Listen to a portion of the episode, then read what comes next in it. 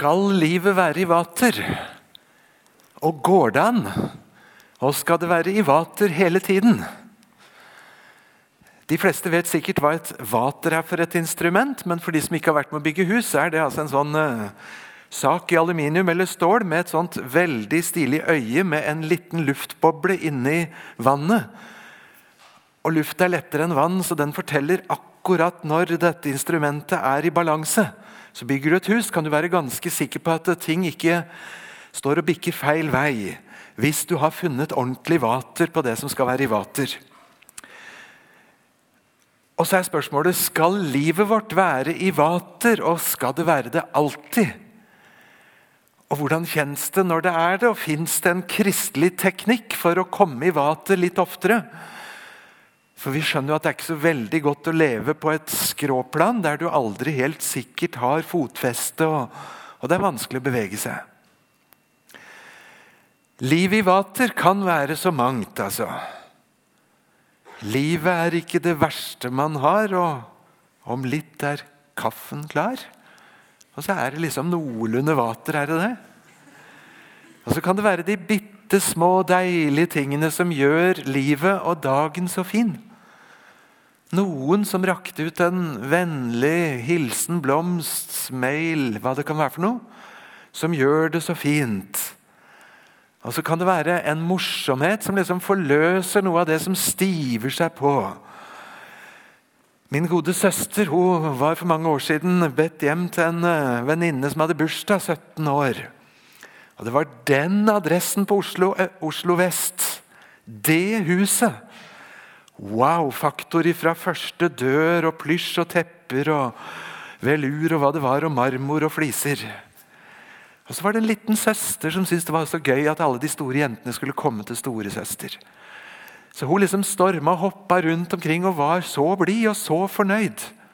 Og De la jo merke til henne og lot henne få litt av show med en gang. Og Hun dro med seg jentene opp på rommet sitt, for dere skal bare få se. Og så er det gjennom trapper og gjennom hall og hva det var for noe alt sammen, før de endelig kommer inn på det kjempesoverommet. Et jenteværelse. Så går den lille jenta bort til senga si, og så stryker hun over dyna si, og så sier hun 'Har fått nytt dunetrekk'. And that made her day. Er ikke flott? Den lille tingen som får liv i vater. Mye betyr det da hva pappa har på konto, og hvor mange flotte biler som står i garasjen? For jeg har fått nytt dunetrekk. Og så er det som om hele verden smiler til meg, og så kommer store jenter og besøker storesøster. Og så er de hos meg. Og så fikk jeg vist dem det. Og så kan livet være i vater. Og så kan det komme på skeive. Samme søster, min gode storesøster, hun, har, eh, hun er veldig selskapsfrisk. Før så var det en diagnose het å være syk, selskapssyk. Men det er feil, sier pedagogen, og det er jeg enig. Det er fantastisk hvordan noen mennesker kan liksom skape trivsel hos andre og ta inn over seg all den godhet som fins. Og sånn er min gode søster. Og Da hun var ganske liten og vi var misjonærer i Japan, så skulle det være møte hjemme på kvelden. Masse folk. Det beste som kunne skje. Og Min lille søster fikk være med å rydde til og dekke border og hente blomster og sette i vaser. Litt ut på kjøkkenet og lage klart. Pynte litt mer og sjekke i vindusposten. Og så og så En halvtime før de skal komme, så sier mor nå skal du gå og legge deg. Og full krig. Det som var så perfekt og i vater, det går fullstendig knas. Større forsmedelse. Skulle gjemmes bort på et barnerom og høre stemmen av de voksne. og Klirring i kaffekopper og alt godt som jeg skulle vært en del av. Men jeg er en ganske standhaftig mor. Til slutt så må hun trukke de tunge skrittene opp trappa på vei til soverommet og snufser og hyler og gråter. og Siste hilsen i trappa idet hun skal begynne å gå. Og så jeg, jeg som trodde jeg skulle få høre litt om Jesus i kveld.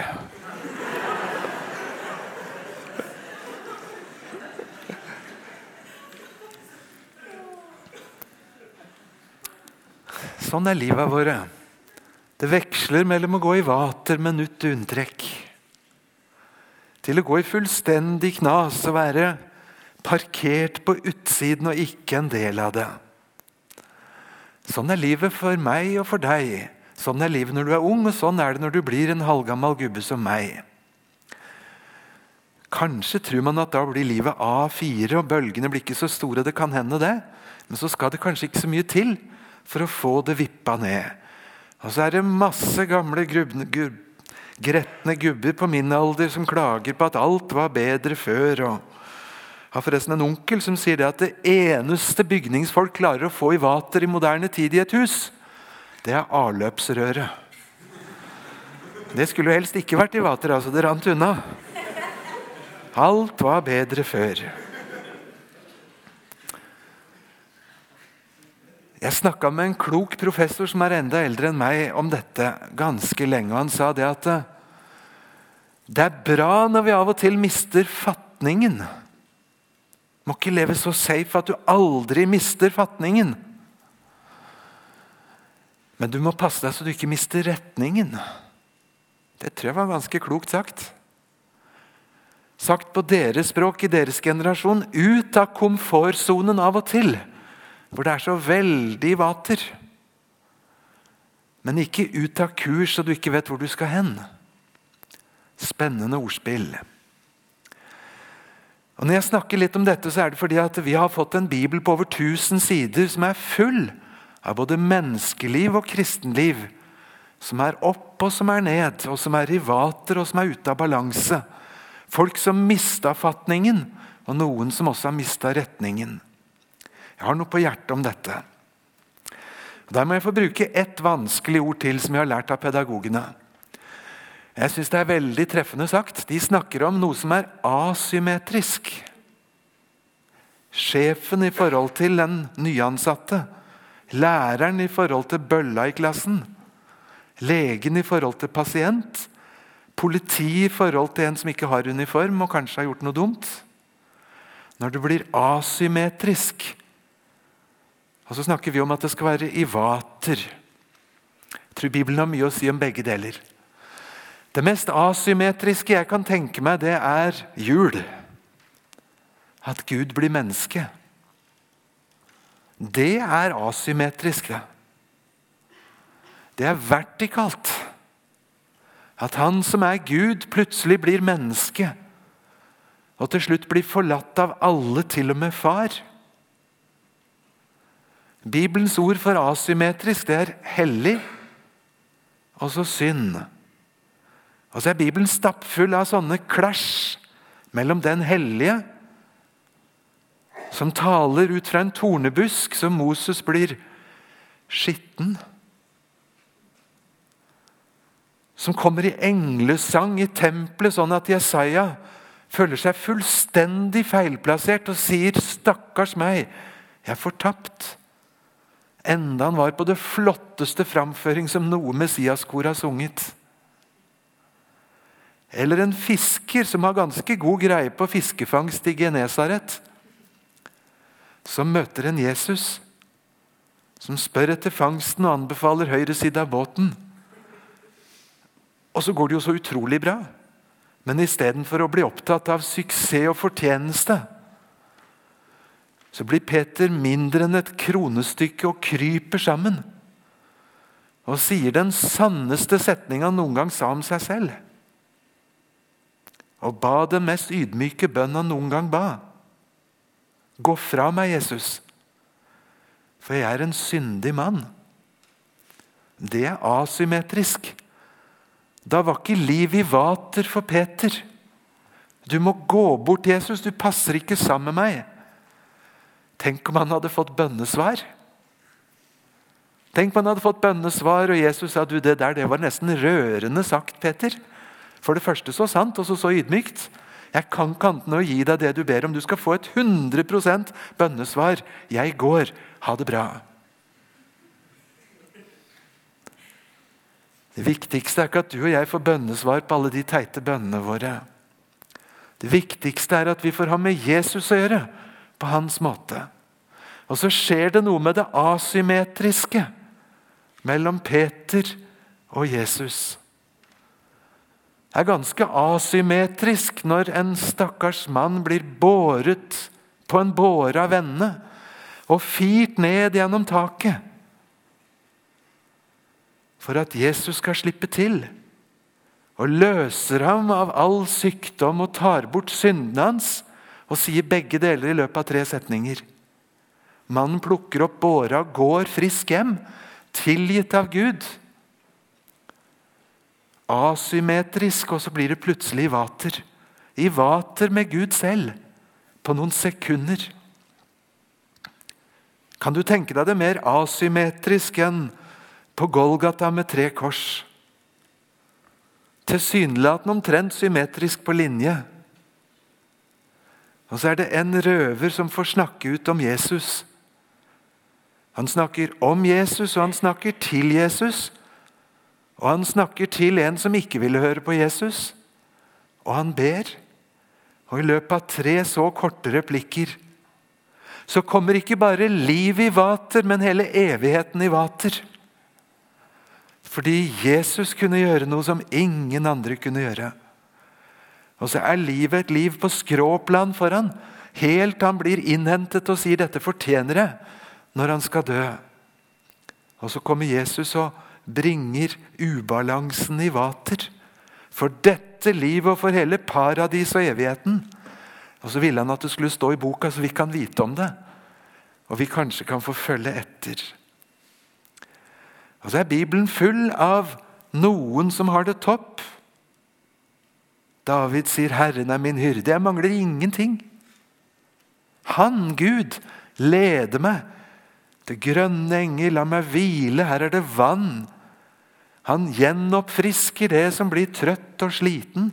Han dekker bord for meg for mine fienders øyne. Bare godhet og miskunnhet skal etterjage meg alle mitt livs dager. Jeg skal bo i Herrens hus gjennom lange tider. Da er livet i vater. Hvor mange sånne salmer er det i Salmenes bok av de 150? Under ti. Den desidert største gruppen av salmer i Salmenes bok de heter klagesanger. Folk øser ut klagen over seg sjøl og over motstandere og fiender, og til og med over Gud. Luther sier skal du se et kristenmenneske rett inn i hjertet, skal du lese Salmenes bok. Og Hvis du gjør det, så er 50% av salmene klagesanger. Og så er det en håndfull tillitssalmer og noen få takkesanger, noen lovsanger. Og så er Bibelen en ærlig bok. Og Rett før så har vi Jobbs bok. Jojo var det noe som het da jeg var gutt. Det går veldig opp og ned. Jobbs bok. Det begynner så bra. Så blir alt borte. Og så sitter han fattig tilbake, men sier 'Herren ga'. Herren tok. Herrens navn være lovet. Men så går det enda verre. Så kommer venner på sykebesøk. Litt spesielt sykebesøk når du sitter i sju dager, og ingen av de som har kommet på besøk, klarer å si ett eneste ord. Da er det trykkende taushet. Førstemann som sier noe, er jobb. Han forbannet den dag han ble født. Bort med den dagen! Bort med den dagen når noen løp til min far og sa 'du har fått en sønn'. Og Så går det opp og ned for jobb. Gjennom 42 kapitler fortelles det. Et sted står det at jeg skulle ønske Gud kunne komme rett imot meg, sånn som en motpart gjør i en rettssak. Og så kunne han lese opp alle anklagene mot meg. Da skulle jeg skride ham i møte som en fyrste. Og så skulle jeg svare på hvert eneste anklagepunkt, sier han. Gud syns det skulle være med i Bibelen. Vi lurer på hvordan det kan passe med kristelig ydmykhet. Og Så fortsetter Jobbs jojoer opp og ned til han blir med Gud i Dyreparken i fire kapitler, pluss en tur innom Meteorologisk institutt. Og I dyreparken og i meteorologenes verden så får han plutselig se noe som gjør han svimmel, så livet er ikke i vater mer. Gud blir så stor, og jeg blir så liten. Og så tok jeg sjansen på å tale mot Gud. Spennende skrifter som vil lære oss noe om at å ha liv i vater innenfor Gud, Det handler ikke om å ta feberen og stikke termometer i sin egen munn. Som om frelsen er en følelse. For frelsen er en tilstand. Det er noe litt annet. Og Det febertermometeret skal ikke stikkes i munnen min for å se og lese av og finne ut status. Det er feil sted. Gud har ikke satsa på at jeg når opp på den måten. Regnskapsdagen for Gud er ikke en idolforestilling der jeg skal dra glansnumrene sånn at dommerne stiller de beste karakterene. Regnskapsdagen innenfor Gud når jeg skal fram, det er rett og slett at jeg overlater scenen til en annen. En vikar. En som kom ut i vater når det var tale om ansvaret for alle menneskers synd til alle tider. Altså spør ikke Gud etter dine glansnumre og mine glansnumre. Han spør etter noe større. Nå må jeg komme til hovedpoenget i det jeg skal få lov å si i kveld. Det er et bibelord om hvordan kristendommens liv skal kunne forbli vater. Og Det er i 1. Johannes brev, kapittel 3 og vers 20. Slå det opp en gang du har tid. 1. Johannes brev, kapittel 3 og vers 20. Selv om vårt hjerte fordømmer oss, så er Gud større enn vårt hjerte og kjenner alle ting. Og så skal vi få stille vårt hjerte til ro for hans åsyn. Hørte du det? Da jeg var nokså nygift, så tok svigerfar meg med bort til bokhylla si, og så dro han ut en roman som han hadde kjøpt da han var ganske ung. 'Hjertet tar aldri feil', het romanen. Hjertet tar aldri feil. Og Så så svigerfar på meg og så sa han, 'Det er ikke sant'. Det er ikke sant. Og så er hans trosliv sikkert ikke alltid vater, men i den grad det er i vater, så er det fordi han har hørt om en som ikke er ute etter glansnummeret mitt, men ute etter vikaren min. Selv om vårt hjerte fordømmer oss, er Gud større enn vårt hjerte og vet alle ting. Og så skal vi få lov til å stille våre hjerter til ro for Hans åsyn. Hvis det finnes en oppskrift på et liv i vater innenfor Gud, så er det dette. Å få begynne og slutte hver eneste dag. Gud, alt du kunne kreve av meg, har Jesus levert. Og Jesus, du er vikaren min. Alt Gud spør etter, har du levert. Og Når den siste regnskapsdagen kommer, så er det han og hans prestasjon. Det er fullbrakt. Det er det som avgjør. Jeg har fått være en kristen så lenge jeg lever snart i 60 år. Jeg er en like mislykka kristen som jeg var noen gang før. Men jeg prøver å lære å appellere til Høyesterett. Og ikke spørre lille speil på veggen der hvem er frommest i huset her. Men å slå opp i boka og lese om Han som er en soning for mine synder. Som gjør meg ren, rettferdig, hellig innenfor Gud. Asymmetrien er borte. Jesus brakte det i vater ruller ut en vei. Bibelen kaller det til og med for en levende vei. En vei som bærer helt fram. Får lov å gå sammen med noen andre som vil samme veien. Betyr ikke at hver dag oppleves som vater. Men hver dag kan jeg slutte med bønnen til Jesus. Takk for denne dagen. Tilgi meg det jeg gjorde galt. Om du vil, så våkner jeg i denne senga i morgen. Gjør meg da til et bud om din fred på jord. Og Hvis jeg ikke våkner i morgen, Jesus, så må jeg få si det en gang til. Du er min frelse. Du er mitt vater. Du er den som bringer det i balanse. Jeg har lyst til å fortelle en liten historie til slutt som er helt sann. Jeg er sikker på jeg har fortalt den til noen av dere før. Vi har fem barn. En gang var de små. En sommer var vi på ferie. I nabohuset var det en annen toåring som av en eller annen grunn kom i et kjeftement med min toåring.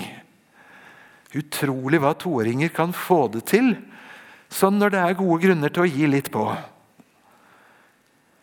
Og så var det en storebror til min toåring som kom ut. Han var stor nok til at han skulle nok klare å klatre over det gjerdet og så skremme vekk den jenta så han kunne få fred.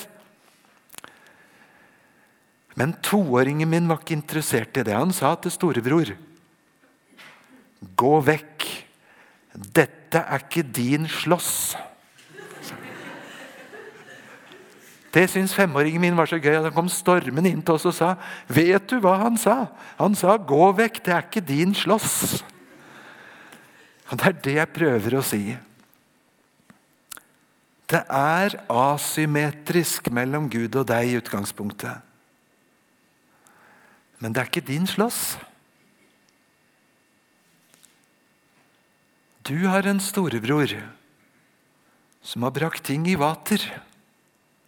Hører du det? Når du legger deg i kveld, kan du takke storebror for å ta bort asymmetrien. Det betyr du kan si 'Kjære far', og tro at han vil kalle seg din far. Han skammer seg ikke ved det. Han fryder seg ved det. Og så er du direkte audiens hos den hellige Gud åpen for en evighet sammen med Han.